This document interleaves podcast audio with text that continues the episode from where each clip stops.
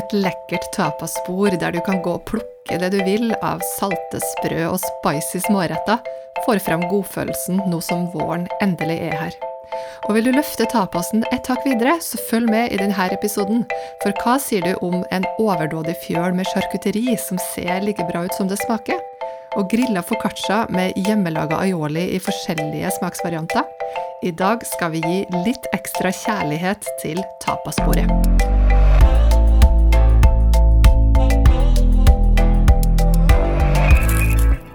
Du hører på Matpratpodden. Jeg heter Lisa Ekeli, og sammen med meg har jeg matpratkokk Cecilie Maske. Hei sann! Eh, I dag så skal vi altså snakke om eh, tapas. Og jeg liker å lage tapas eh, når vi skal ha besøk, og det gjør jo mange. Kanskje til 17. mai eller en annen hyggelig anledning. Ja, det gjør jeg også, og med tapas er det veldig greit, for da kan man jo lage ting som passer for alle. Og det fins jo strengt tatt ingen regler, og da kan du bestemme sjøl om du vil kjøre en sånn her klassisk spansk variant, eller om du vil vri tapasbordet i en annen retning. Ja. Og så er det jo gøy å legge litt ekstra i hvordan det ser ut til slutt, da. Og få det litt ekstra pent. Ja, ikke sant? og det er jo nettopp det vi skal starte med i dag, så vi bare hopper rett på det. For noe som er veldig populært akkurat nå, og som også da passer perfekt på et pent tapasbord, er charkuteri. Cecilie. Det har jo blitt veldig trendy i det siste, og det passer innmari godt på, på tapasbordet. Eh, absolutt på en sånn festdag som 17. mai er. Forklar litt hva det er, da, egentlig. Du, ja, altså se for deg et brett eller en fjøl som er liksom lekkert pynta og pakka med ost og kjeks og skinker og en og spekepølse og oliven og alt det som liksom egentlig hører med på et tapasbord, men som er litt komprimert. Ikke sant? Det blir, Ja. som, et, det blir, som, et, det blir som et stilleben, nesten. Det blir som et minitapaspor på en fjøl. Ja, men det, hvordan skal man gå fram for at det skal se fint ut, da? Eller ikke bare liksom bli en rotete haug med mat, på en måte? Eh, Ja, det er det, da. Du må legge litt sjel i det. Du må være litt kreativ. Du må gjøre Du må virkelig ja, tenke deg litt om når du legger opp. For litt av poenget er jo at det skal se like bra ut som det smaker. For eksempel så kan du jo starte med, med ostene og skjære dem i litt forskjellige eh, biter. Litt terninger, kanskje litt staver, litt avhengig av hvordan konsistensen på osten er, selvfølgelig. Og så legg dem opp litt ut fra hvor sterke de er, eh, sånn at du ikke blander dem, men sorterer dem etter styrke. Og så fortsetter du etter hvert med å legge på en god skinke og litt spekepølse i tynne skiver, og legg, rulle det pent opp, eller legg det lekkert opp. Og så bygger du på med enda mer, f.eks. Med, med gode kjekser og snacks og noen grønnsaker, sherrytomater f.eks., eller frukt og bær. Eh, og på den måten så kan du bygge opp eh, hele dette fatet så det er kjempelekkert. Og skal du ha med, så er det lurt å tenke deg om du skal ha noen ting i skåler, om du skal ha en marmelade eller chutney eller noe sånt, så kan det være lurt å ha det i en skål, ellers blir det ganske sølete. Tenk på hva som passer sammen. Tenk på farge, tenk på smake, tenk på tekstur. Og, og, og virkelig legg litt arbeid i det. Ja. ja, for det skal jo se litt sånn ordentlig lekkert ut, ikke sant? Så jeg tenker til 17. mai, da, så kan man jo kanskje lage det litt sånn rødt, hvitt og blått, da. Ja, ha et tema. Rødt, hvitt og blått. Mhm. Eh, det finnes jo matvarer som er i, i, i de fargene. Og har du noen spiselige blomster, så kan du jo pynte med de også. Det er liksom prikken over i-en. Hva slags eh, blomster er det som man kan spise, da? Fioler, eksempel, de er jo kjempefine nå. Blå fioler, der har du, da har du det blå sammen med blåbær. Eh, og eh, tusenfryd er faktisk spiselig. Og tenk på når frukttrærne begynner å blomstre. Da har du jo masse forskjellige eh, epleblomster for eksempel, som du kan legge på en liten kvist med epleblomster. Det er veldig veldig Ja. mye forskjellige blomster faktisk som er spiselige. Og eh, du må ikke legge på noe som du er usikker på. Du må alltid sjekke før Nei. du pynter med blomstene. Ja, smart. Så det her er jo på en måte et eh, litt sånn um, salt tapasspor til, eh, til middagen, holdt jeg på å si. Men kan man da lage et eh, ut av andre ting? da? Dessert og andre, ja, nesten hva som helst? Ja, du kan jo i grunnen det. Du kan jo, kan jo lage det av, av det du har lyst på. Tanken er jo at det skal være lekkert og appetittvekkende og se litt imponerende ut. Den der chark- er jo veldig instavennlig. Og så er det lov til å leke Ja. litt med maten. Du kan tenke deg Jeg så faktisk en sånn vaffelsjarkuteri. Den hadde eh, nystekte, gylne, sprø vafler. Og så var det bær og nøtter og sirup og syltetøy i skåler både eh, på det her fjøla liksom lagt opp rundt vaflene. Og så var det jo litt salt også. Så det var både salte og søte varianter sammen med vaflene. Kjempelekkert. Åh, nydelig. Ja, så er det jo litt artig, syns jeg, da, at man virkelig kan gå all in og lage noe som ser skikkelig lekkert ut, da, ikke bare smaker godt. Ja, ikke sant? Mm. Neste rett eh, på programmet er foccaccia.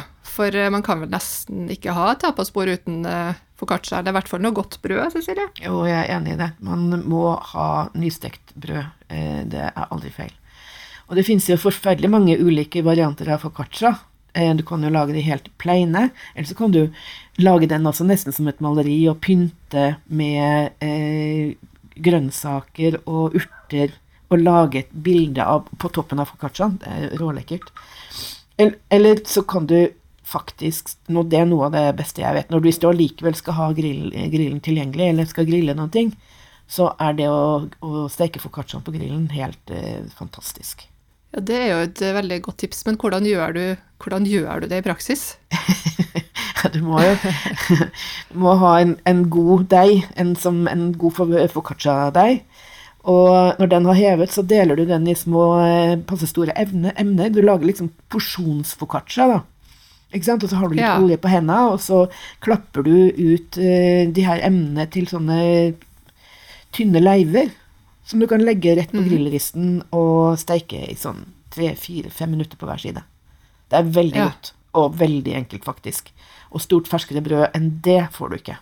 Og ved siden av denne foccacciaen så må det nesten stå en eh, aioli, eller aller helst flere, kanskje? Ja, aioli må vi jo ha.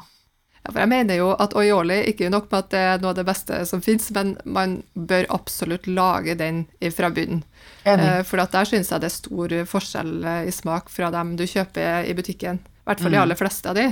Mm. Og et tips som jeg har fått av deg, Cecilie, det er jo å smaksette aiolien på forskjellige måter. Det er jo veldig enkelt, men også veldig godt, og så får du mange forskjellige dipper ut av én. Altså når du først har tatt deg tida til å lage en hjemmelaga aioli, som er såpass enkelt at det faktisk ikke fins noen grunn til å kjøpe den ferdig, så kan du jo lage din egen personlige vri på den med å smake den til med f.eks. Eh, chili eller sriracha for å få den mer spicy, eller curry, eller soltørka finhakka tomater, eller friske urter. Altså, der er det egentlig helt uh, uendelig mange ulike varianter du kan få ut av en uh, grunnoppskrift. Ja. Min favoritt tror jeg er basilikum aioli. Jeg fikk eh, litt lyst på det nå, egentlig. Mm, sammen med nystekt fersk foccaccia, det er helt nydelig. Ja. Så Ja. det som du kan tenke på når du smaker aiolien, det er jo å tilpasse den til de andre smakene som du skal ha på tapasbordet. Ja, nettopp. ja. For at eh, med tapas så kan du jo dra de her smakene i forskjellige retninger, ikke sant? alt etter hva du liker, og hva slags konsept da, som du velger å gå for. Mm. Det kan jo være ganske greit å tenke litt gjennom akkurat det, og velge ut en, en, en egen retning for tapasbordet, sånn at du ikke lager en hel diger haug av altså mange ulike stilarter, da. Eh, eh, sånn at rettene passer sammen eh, eh, smaksmessig. Og vil du, hvis du går for en sånn helhet som det, så kan du velge f.eks. den helt klassiske spanske. Eller altså det finnes jo utrolig mye gode sånne asiatiske småretter, du kan ha en sånn her asiatisk tapasvariant. Ja. Det, sånn, altså det finnes jo sånne småretter for alle, alle smaker, alle lyster. ja, så finnes det jo ganske mange gode smaker her eh, hjemme òg. Absolutt. Norsk mat er jo både kortreist og bærekraftig, og ikke minst så er det blitt veldig, veldig god kvalitet. Så la oss slå et slag for den norske bonden og de norske produsentene. Det har vært en enorm utvikling i produkter og varianter de siste årene fra både små og store produsenter over hele landet. Ja, det har jo blitt litt å velge mellom, syns jeg òg, av norske oster og skinker f.eks. de siste årene. Ja, absolutt. Og, så når du er i butikken, så kikk spesielt etter de norske ostene og pølser og skinker og spekemat, for her fins det utrolig mye gode smaker som er vel så godt som de, både de spanske og italienske klassikerne. Mm. Og uansett egentlig hvilken retning du vil gå i smaksmessig, så er det jo mye norske gode råvarer som du kan bruke som utgangspunkt på tapasfjøla. Mm. Ja, fenalår det er noe av det beste jeg vet, og det kan man vel også ha på tapasbordet? Ja, er du gæren? Klart du kan. Tenk bare på hva du kan gjøre med fenalår og en masse andre norske typiske råvarer som laks og reinsdyr. Ja. Du trenger jo ikke så veldig mye egentlig av en råvare for at du kan trylle fram masse godbiter til mange. Du, altså, det er bare en liten sånn skalk, nærmest, i tynne, tynne skiver. Eksempel poteter. Ta stekt poteter i, i, i litt tjukke skiver, og så kan du toppe med litt rømme og speka kjøtt, for eksempel fenalår. Ja. Og så kan du lage, altså hvis du har laks, så kan du lage sånn lakserull med kremost og vårløk. Det er utrolig godt, friskt eh, og lekkert. Og så du eh, Hva med norske vafler toppa med rømme og litt rogn og finhakka løk? Altså, Oi, ja. iallfall når du har Det er jo kjempegodt. ja. Ja, og hvis du skulle ha litt utlendinger på besøk, så er jo det helt knall. Og så, hvis du skal virkelig toppe det, så kan du lage en bruschetta med kremost og reinsdyrskap, og så legge litt eh, tyttebær på toppen. Da har du det urnorske med også. Ja. En annen ting som det har blitt ganske mye av, eh, er jo ferdige tapasretter, som du kan få kjøpt i masse varianter. Hva tenker du, Cecilie, hva er det greit å jukse litt med? Det er juksemasse. Altså, det er jo så mye godsaker som man får kjøpt, så man kan mikse og, og, og gjøre litt ekstra ut av selv. Ja. Så kjøp vanlig, marin, vanlig oliven og mariner dem sjøl med litt urter og, og hvitløk. Eh, scampi er ferdig, ferdig stekt nesten, og du kan bare varme dem litt og så ha på litt hakka koriander og litt lime. Mm. Fetaost, kjøttboller, artisjokkhjerte. Herregud, det er så mye godt. Og Ja. ja, mye av det er jo egentlig sånne ting som du ikke ville ha laga sjøl, men det, det, det bare, du bare topper det. ja, ikke sant. Ja, når du mikser det med det du har laga sjøl, så blir det jo knall. Ja, ikke sant. Det er ikke så mye som skal til for å gi de her ferdigrettene et løft. Hvis du bare legger dem over i en fin skål, drysser over litt hakka urter og litt god olje, og eh, noen små sånne runder med pepperkverna, så blir det veldig lekkert. Og det er jo, som vi sa i stad, faktisk veldig viktig at det ser lekkert ut. Ja. Og etter denne festbuffeen så er det kanskje ikke noe plass til dessert, eller? Pæ, det er alltid plass til dessert. Og det skal vi faktisk snakke om i neste episode av Matpratpodden. Da skal vi nemlig ta for oss selveste festkaken pavlova. Ja, følg med i neste pod for å imponere med pavlova, altså. Og fram til da så er det bare å planlegge tapasmenyen, og tagg oss gjerne på dine tapasretter, eller bruk hashtag matprat. Og har du spørsmål du vil at vi skal ta opp her i Matpratpodden, så send oss gjerne en e-post på post1matprat.no, eller send oss en melding på Facebook eller Instagram. Vi høres!